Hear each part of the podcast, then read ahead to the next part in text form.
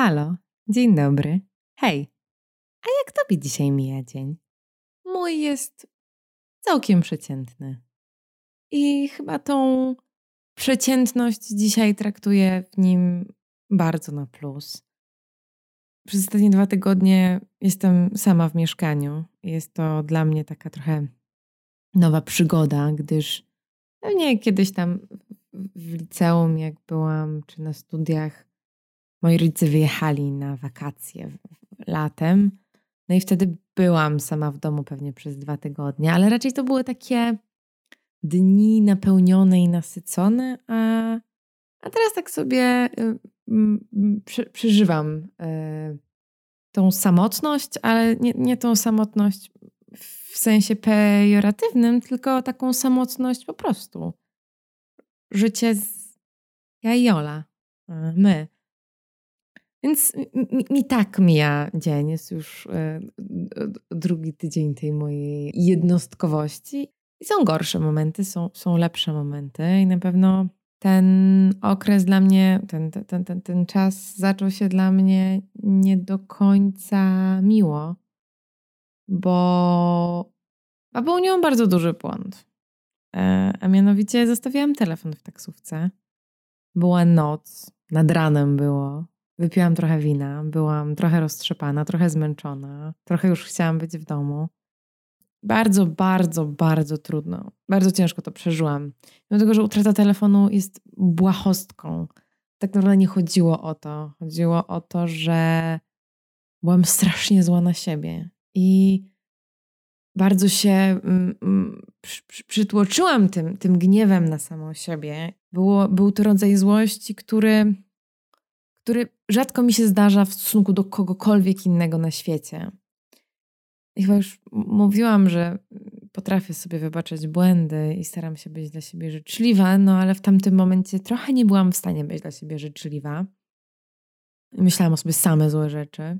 Mimo tego, że tak naprawdę nikt w moim otoczeniu nie był mi taki surowy, jak, jak ja byłam sama do siebie.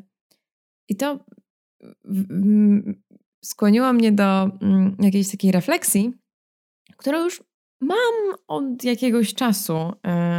W ogóle to jest taki teraz chyba, nie wiem, może to jest tak, że to jest jakiś temat teraz, albo może jest tak, że w momencie jest jakiś paradoks, który mówi, że e, jak się o czymś dowiadujemy, to zaczynamy to wszędzie słyszeć. No i jeden z moich znajomych był na warsztatach z gniewu. Dostałam też taką in informację od, od mojej terapeutki, że właśnie gniew jest ważnym uczuciem, bo on tam pozwala wyznaczyć jakieś granice światu i tak dalej. Ale jest we mnie coś takiego, które wydaje mi się, że wynoszę w jakiś sposób, nie wiem czy z domu do końca, czy raczej z mojego rodzeństwa, że mało się złoszczę na ludzi. Kiedyś miałam taki, taki okres w liceum bodajże, że się obrażałam na ludzi, że byłam zła na ludzi. I nie wiem, w którym momencie mojego życia w ogóle przestałam mieć, nie wiem, czy przestałam mieć te emocje, czy przestałam je werbalizować i przez to przestałam je mieć, czy je mam, ale je chowam. Mm, bardzo jest mi ciężko, ale bardzo jest mi trudno znaleźć w sobie ten gniew. Bardzo jest mi trudno komuś powiedzieć, że jestem na niego zła, że coś zrobił. Możliwe, że dlatego, że mnie bardzo boli gniew, który, który na, na siebie nakładam, więc raczej chcę go oszczędzić ludziom. I ta taka y, zastanawianie się o, o, gniewie tak naprawdę, tak początku stwierdziłam tak górnolotnie, że rzadko się gniewam, nawet się podzieliłam e, chłopakom w pracy o tym, że no, że tak trochę rzadko się złoszczę. No i chyba już e, gdzieś któryś razem wspominałam o historii z pośredniczką nieruchomości, której starałam się tak zaimponować i któregoś dnia mówiłam o tych pośrednikach nieruchomości. Mm, strasznie się zezłościłam. Jakby zorientowałam się, że potrafię się jednak złościć, tylko to raczej nie są ludzie, tylko to są pewne koncepty. I chyba jakoś taką, e, tym takim długim, e, trochę poważnym, trochę przykrym wstępem e, chciałabym jakiś taki może nie wiem czy żartobliwy, ale w jakiś taki sposób jakoś tak może wziąć w ramy rzeczy, które mnie gniewają. Nie, nie wiem, czy to, są, to jest złość, czy to jest gniewanie się. No ale numer jeden na tej liście niech będą mm, ci pośrednicy nieruchomości. I teraz chcę zaznaczyć, że to nie są wszyscy pośrednicy nieruchomości. I to też nie są poszczególne osoby, które są pośrednikami nieruchomości. Tylko bardzo mnie złości ten koncept, że jest osoba, która jest wynajmowana, która jest, która, okay, która świadczy usługi. Jest osoba, która świadczy usługi i przychodzi do niej pani A. Pani A może mieć dwie, dwa biznesy do tej osoby. Może powiedzieć: Hej, mam mieszkanie na wynajem na sprzedaż, albo może powiedzieć: Hej, szukam mieszkania na wynajem na sprzedaż. No i wtedy ten pośrednik nieruchomości zaczyna zajmować się szukaniem. I teraz, jaki jest powód, że w tym kraju, który naprawdę bardzo lubię, jest przyzwolenie, żeby ten pośrednik nieruchomości, który się spotyka z tymi ludźmi i tak naprawdę jest po to, żeby pomóc w wynajęciu mieszkania osobie, która ma mieszkanie, jakby mieszkanie w Warszawie, jakby nie wiem, czy to jest w Warszawie, mieszkanie ma i stara się jej pomóc. I jest jakaś cena, którą ktoś będzie płacił co miesiąc za to mieszkanie i on go szuka. I nie wynajmuje nikogo, żeby ktoś mu go szukał. On sam go szuka, czyli on nie korzysta z tej usługi, to ma płacić prowizję temu pośrednikowi, że on pomaga komuś zarabiać. Nie rozumiem tego konceptu. Nie rozumiem, jak by wyglądał świat, że żebym ja była skasowana w biedronce na kasie, żebym musiała najpierw zapłacić jeszcze dodatkowo pieniądze, oprócz moich zakupów, pani na kasie, żeby mi je skasowała. Bez sensu. Biedronka, czy motylek, czy inne zwierzątko, do którego, którym się nazywa ten sklep, zarabia dużo pieniędzy na produktach, które mi sprzedaje. Tak samo jak ta pani A, która przychodzi do pośrednika nieruchomości i chce, żeby zarabiać pieniądze na mieszkaniu, wynajmuje tego pośrednika, to czemu ja, Ola, lat dwadzieścia kilka, szukająca mieszkania, mam płacić komuś, kto pomaga zarabiać innej osobie? Za co ja mam mu płacić? Za to, że łaskawie będę mogła komuś płacić?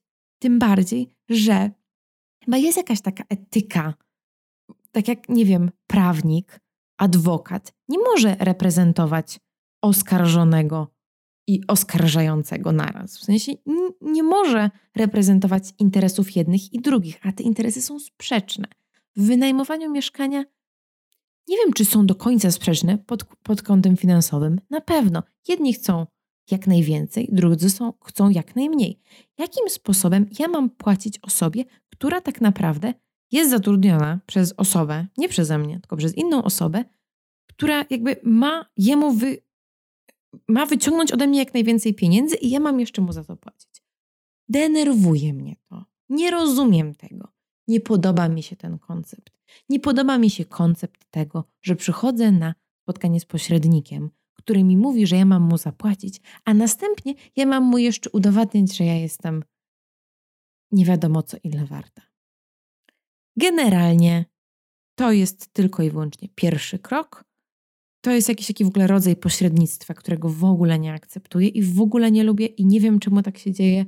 Jeżeli ktoś mi jest mi w stanie powiedzieć, jak to się stało, że ktokolwiek na to pozwolił, tym bardziej, że przepraszam bardzo, ale ludzie, którzy mają mieszkania, są w od razu wygranej pozycji versus ludzie, którzy chcą wynajmować to mieszkanie.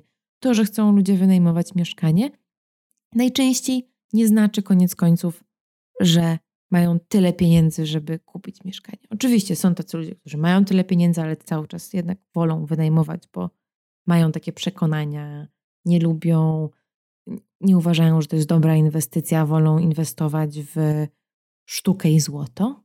Jasne. i mają tyle pieniędzy, że mogliby kupić sobie pięć mieszkań, ale za te pieniądze wolą kupić złoto. Spoko. Ale jednak większość z nas, tych ludzi, którzy wynajmują te mieszkania, my nie mamy pieniędzy na szastanie sobie. I dla osoby, która wynajmuje mieszkanie, którego wartość rynkowa jest 500 tysięcy, ten procent to, to 1000 zł, które ma zapłacić temu pośrednikowi nieruchomości z takim założeniem, że będziemy, że jakby będzie zarabiał na tym mieszkaniu co miesiąc dużo pieniędzy, dla mnie jest jakaś absurdalna. I, i ja, ja zgłaszam swój przeciw, sprzeciw. Uważam, że to jest nie fair, nie w porządku. W ogóle rynek nieruchomości dla mnie jest jakąś taką totalną, dziwną abstrakcją, bo większość ludzi, którzy mają mieszkania, nie używają tych mieszkań, a ludzie, którzy potrzebują tych mieszkań, ich na nie nie stać, więc to jest jakieś w ogóle. Hu, hu, hu. Nie, nie, nie do końca fair. Jest taki cytat Voltera, że Bóg to komik, który wykonuje swoje przedstawienie przed publicznością, która zbyt bardzo boi się śmiać.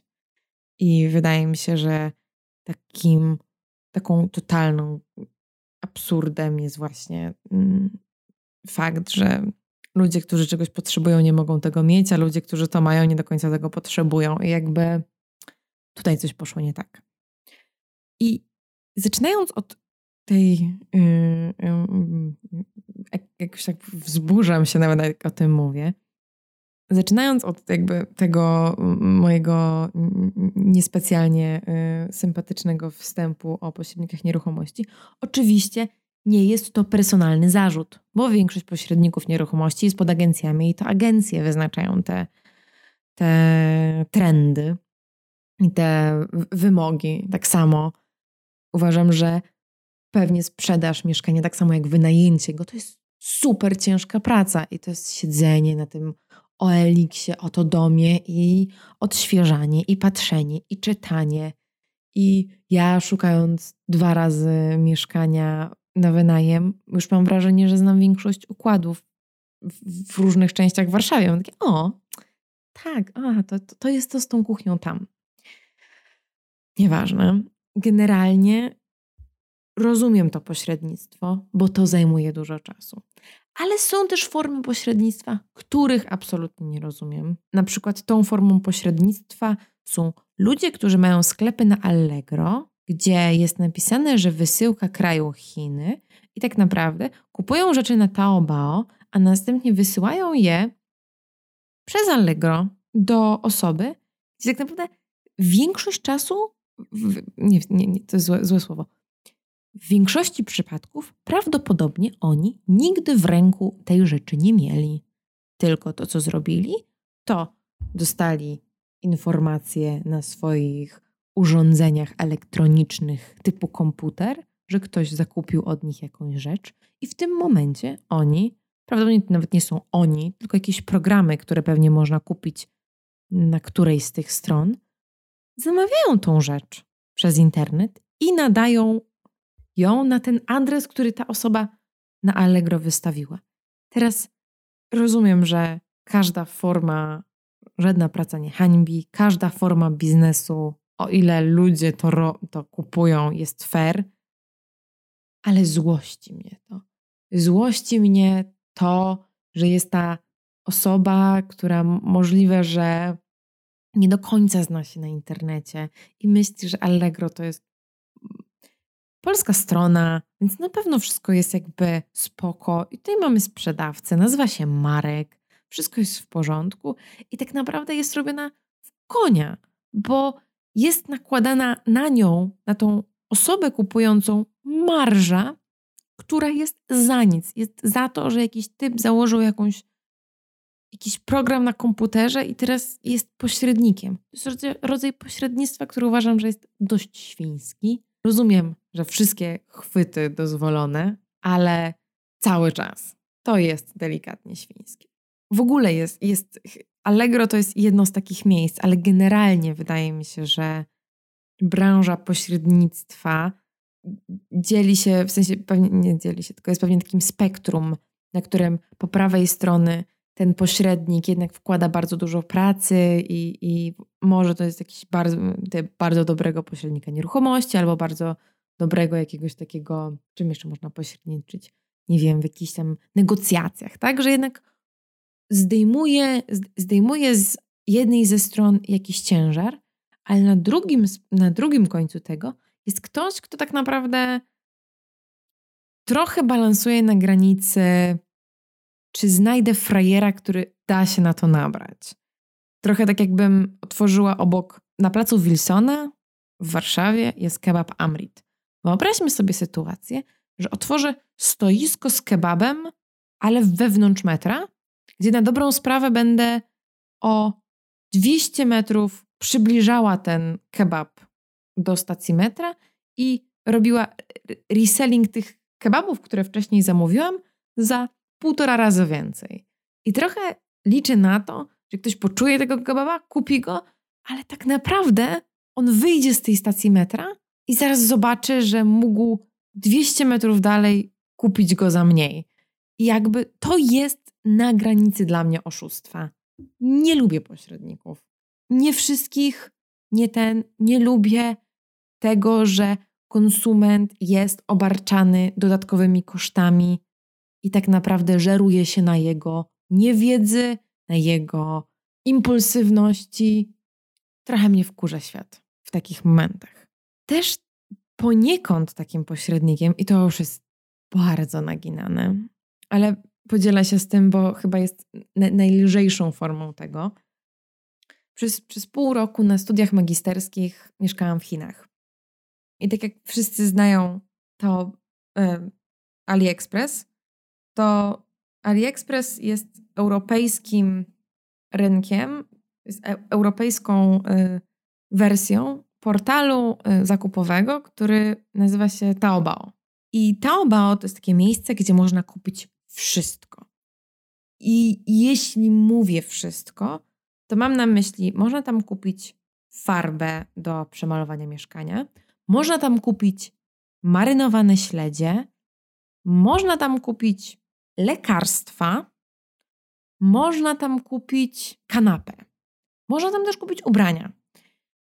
Patrząc na te wszystkie ubrania, które też wiem, że nie powinno się dokładać, że powinniśmy wszystkie ubrania kupować używane, ale jestem tylko człowiekiem i czasem jak widzę ładny obrazek w internecie, to kupuję impuls impulsywnie rzeczy.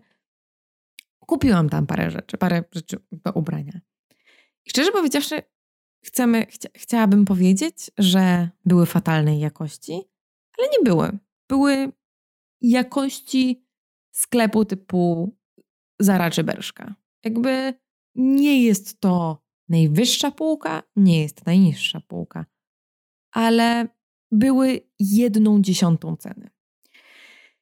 Jasne, niektóre były trochę brzydsze, niektóre były nieprzebrane. Generalnie trzeba było przeszukać, bo były zarówno brzydkie, jak i ładne ubrania. Jak idziemy do Zara, to tam wszystkie ubrania są ładne. Kto się przebrał, kto się wybrał, kto się położył na tych ładnych wieszakach. Ktoś te ładne wieszaki zaprojektował, Ktoś te ładne wieszaki zrobił. Ktoś tym ładnym, miłym paniom z obsługi zapłacił. Ktoś zapłacił też ochronie. Ktoś zrobił kampanię reklamową. Ktoś dobrał i podzielił to na wiosnę, lato, jesień, zima i dodał jeszcze lata przed tym. Ktoś założył te ubrania, ktoś wynajął fotografa, ktoś zrobił zdjęcia tym wszystkim rzeczom i jakby sprawił, i jakby sprawia i od wielu lat sprawia, że Ludzie chodzą do tych sklepów i kupują te rzeczy. I kupują te rzeczy co pół roku. Co pół roku marzy im się, żeby mieć coś, co jest bardziej w modzie, bardziej jakieś tam. Bo ma ładne metki, bo ładnie leży na wieszaku, bo jest ładnie ułożone w tym sklepie. Ten sklep ma ładną witrynę i ma ładnie ubrane manekiny i ma ładną stronę internetową. I na tej stronie internetowej są śliczne modelki i każdy z nas by chciał wyglądać tak ta modelka, tym bardziej w tym ubraniu. I potem jest to Taobao jest ta brzydka, pomarańczowo-biała aplikacja, której ja prawie nie rozumiałam rzeczy, gdzie modelka jest jakaś raczej taka generyczna i, i, i czasem nawet niezauważalna, a pewnie 40 do 60% e, razy jest to po prostu ubranie pokazane na wieszaku, więc nawet tej modelki nie ma na białym tle, w sensie jest nijakie. Jest za jedną, nie wiem czy będę kłamała, ale powiedziałabym, że za jedną piątą ceny, więc to się waha. Płaszcz, który możesz kupić wełniano-bawełniany za 80 zł, a nie 400.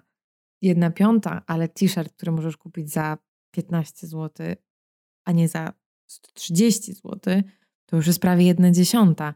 I to trochę zdejmuje czar z tych wszystkich ubrań. Bo tak, trzeba tam trochę więcej poszperać, trzeba tam trochę bardziej popatrzeć. No nie ma sklepu stacjonarnego, nie można tego, nie można tego przymierzyć. Pewnie była jakaś polityka zwrotów, ale szczerze powiedziawszy, nie mam pojęcia, bo nawet nie próbowałabym czegokolwiek tam zwracać, bo znowu emocjonalny bagaż i trudność y, zrobienia tego prawdopodobnie byłaby dużo y, bardziej kosztowna dla mnie niż koniec końców ta rzecz. Zdejmuje to czar ubrań. Zdejmuje to czar chodzenia po sklepach. Zdejmuje to czar pójścia do Zary i popatrzenia się na te wszystkie rzeczy i popatrzenia na tą metkę i pomyślenia sobie, ja nie płacę za to ubranie. Ja płacę za to, jak się czuję je kupując. Ja się, ja płacę za to, że są te ładne modelki ubrane w to, w, to ubranie.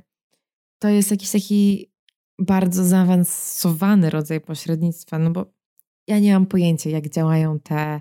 Nie wiem, kto projektuje ubrania dla Zary, szczerze powiedziawszy. Tam nie mówi się nam o tym. To też jest w ogóle, wydaje mi się, że jest jakimś takim problemem społecznym, że wszyscy, że tak jakby to jest w pewien, nawet nie w pewien sposób, to jest sztuka, w sensie jest Wydział Mody na Akademii Sztuk Pięknych, jest to sztuka użytkowa. I jasne, nie każda tablica korkowa y, musi mieć swojego autora, chociaż wydaje mi się, że w IKEA są autorzy projektów i uważam, że to jest super fajna rzecz. Oprócz jakiejś tam Stella Marka, McCartney dla Adidasa, to tak trochę nie wiemy, kto tam pracuje i kto, kto projektuje te ubrania. Więc nie wiem do końca, jak działa ten biznes i nie wiem, czy to chińskie Allegro yy, kradło kroje. Pewnie nie idealnie. Tak, tak, samo jak w architekturze. W architekturze na przykład nie ma czegoś takiego jak plagiat, bo żeby był plagiat, to ten budynek musiałby stać dokładnie w tym samym miejscu i być dokładnie zrobiony z tej samej technologii, czyli tak na dobrą sprawę musiałby być rekonstrukcją i wtedy mógłby być plagiatem, ale pewnie nie byłby robiony dokładnie w tym samym okresie, więc trzeba byłoby użyć do niego innych rzeczy. I, I tak i tak trzeba zrobić ten projekt i zrobić tę dokumentację projektową i postawić ten budynek, mimo tego, że on może wyglądać z zewnątrz dokładnie tak samo jak jakiś inny budynek gdzieś indziej, no to to nie jest plagiat, no bo trzeba było samemu zrobić ten projekt z tego, że on wygląda tak samo jak inny. No i właśnie zastanawiam się, jak jest z ubraniami. Czy z ubraniami też jest tak, że nie można, mm, że jeżeli nawet się zmieni na przykład sposób szycia na maszynie, jakiś szef, to, to czy to już wtedy nie może być plagiatem. Ale jest to dla mnie taki rodzaj pośrednictwa, który chyba już mnie tak nie denerwuje, ale tak trochę kuje w duszę, że, że jednak żyjemy w takim świecie, gdzie bardzo duże marże rzeczy tak naprawdę idą na rzeczy, których nie potrzebujemy. Bo ten ten ambience wokół robienia zakupów nie jest niezbędny. On jest fajny, on jest jakby na plus, jasne, fajnie jest to wszystko mieć. Ale jakieś coś takie, nie wiem, jakąś taką czuję takie marnotrawienie, że wkurza mnie to czasem, że muszę, nie wiem czy muszę, ale że pójdę do tej Zary i coś kupię i tak naprawdę mam wrażenie, że większość tych pieniędzy idzie w jakieś takie ręce tych ludzi, którzy umoczyli, umoczyli ręce w tym procesie, tylko żeby jeszcze coś z niego zgarnąć. I żeby dla nich trochę też zostało tej śmietanki z tego wszystkiego, gdzie tak naprawdę ta osoba, która to, to, to wytwarza i robi te rzeczy, tak naprawdę dostaje bardzo małą część tego całego, tego całego w ogóle węża. I koniec końców miałam mówić o rzeczach, które mnie gniewają, a skończyło się głównie na tych pośrednikach, to nie jest tak, że to jest jedyna rzecz, która mnie gniewa na świecie, ale chyba jakoś tak była całkiem na wierzchu i na końcu mojego języka, więc też o niej powiedziałam. Ale żeby domknąć taką klamrę, powiem o jeszcze jednej rzeczy, która mnie nie wiem, czy gniewa, trochę smuci. Jak już mówiłam, zgubiłam telefon i jakieś takie bardzo absurdalne było to, że go zgubiłam. I trochę jest tak, że jak się znajdzie telefon, który jest na przykład wyłączony, albo ma blokadę SIM, albo ma blokadę jakąś tam, to nie da się z nikim skontaktować. Jakby bardzo jest, bardzo jest wyboista ta droga, żeby komuś ułatwić to zwrócenie komuś telefonu. Bo nie da się zadzwonić i tak dalej. No więc w ramach tego, że pomyślałam sobie, no dobra, ale może jest szansa, że ktoś będzie chciał mi oddać ten telefon. No to jak on się będzie ze mną kontaktował? Więc pomyślałam sobie, wyjdę mu naprzeciw. Dzień dobry. Weszłam na te wszystkie grupy, które się nazywają Znalazłam, zgubiłam Warszawa albo Forum Muranów. I tam napisałam taką bardzo lakoniczną informację. Cześć, taki i taki telefon, tego i tego dnia zgubiłam w tym, zostawiłam w taksówce, w tym i w tym miejscu. Może ktoś, kto znalazł ten telefon, będzie chciał jednak po trzech dniach go mi oddać i wtedy sobie pomyśli, hmm, nie mam jak się skontaktować z tą osobą, no ale jest Facebook, są media, wejdę na te grupy, może ktoś akurat tego telefonu szuka i jest mu przykro. Fala nienawiści, która na mnie spłynęła, że w ogóle to zrobiłam. A po co ty teraz to robisz? Co? Czy ludzie naprawdę nie rozumieją, że wychodząc z taksówki trzeba sprawdzić na siedzeniu, czy się czegoś nie zostawiło? Ja na przykład, wchodząc do taksówki, to trzymam telefon zawsze w ręku. Okej. Okay. Um, to jest chyba najmilsze rzeczy, które tam były, ale te najgorsze to były rzeczy w stylu co? Chciało się zaoszczędzić parę złotych i nie jechać taksówką, tylko Uberem, no to teraz wyszło cię ileś tam razy drożej. Serio, jeżeli ktoś jest takim e, półgłówkiem, żeby korzystać z Ubera, to niech się nie dziwi, że takie rzeczy go spotykają. I bardzo to mnie jakoś tak y, zaszokowało i pogniewało, jak dużo nienawiści jest w ludziach, jak w ogóle dużo tych negatywnych emocji w tych ludziach drzemie. Oni i tak nie powiedzieli nawet jednej setnej, którą rzeczy, które ja sobie byłam w stanie sama zarzucić. Trochę byli moimi myślami i tym moim własnym gniewem, który miałam do siebie. I chyba przez to, że ja te wszystkie rzeczy, które oni napisali, ja wiedziałam. Ja zawsze sprawdzam na siedzenie, czy nic nie zostawiłam. Zawsze trzymam telefon w ręku, ale każdemu, kto robi, kto robi rzeczy, zawsze zdarza się ten jeden raz, kiedy zrobi coś inaczej. Kiedy włoży telefon do tylnej kieszeni, kiedy usiądzie, kiedy się zagapi, kiedy przyśnie. Naprawdę, te wszystkie rzeczy przeszły, te wszystkie, ta cała fala nienawiści. O, zachciało mi się jeździć w nocy Uberem, bo nie dzwonię po bardzo drogie taksówki. Ale fakt, że ludzie postanawiają zakasać rękawy i przeklikać te parę zdań na klawiaturze po to i tylko i wyłącznie po to, żeby może komuś zrobiło się przykro, bo nie, nie, nie widzę trochę innego powodu, po co ktoś chciałby to robić. Jeżeli nie chodziłoby ewidentnie o to, żeby tamtej osobie było przykro. Pewnie te rady w stylu zawsze trzymaj telefon w ręku, to może nie jest kwestia przykrości, tylko bardziej kwestia tego, będę w czymś ekspertem. Znam się na tym. Nigdy nie zgubiłam telefonu. No ja też nie zgubiłam nigdy telefonu do momentu, kiedy go nie zgubiłam.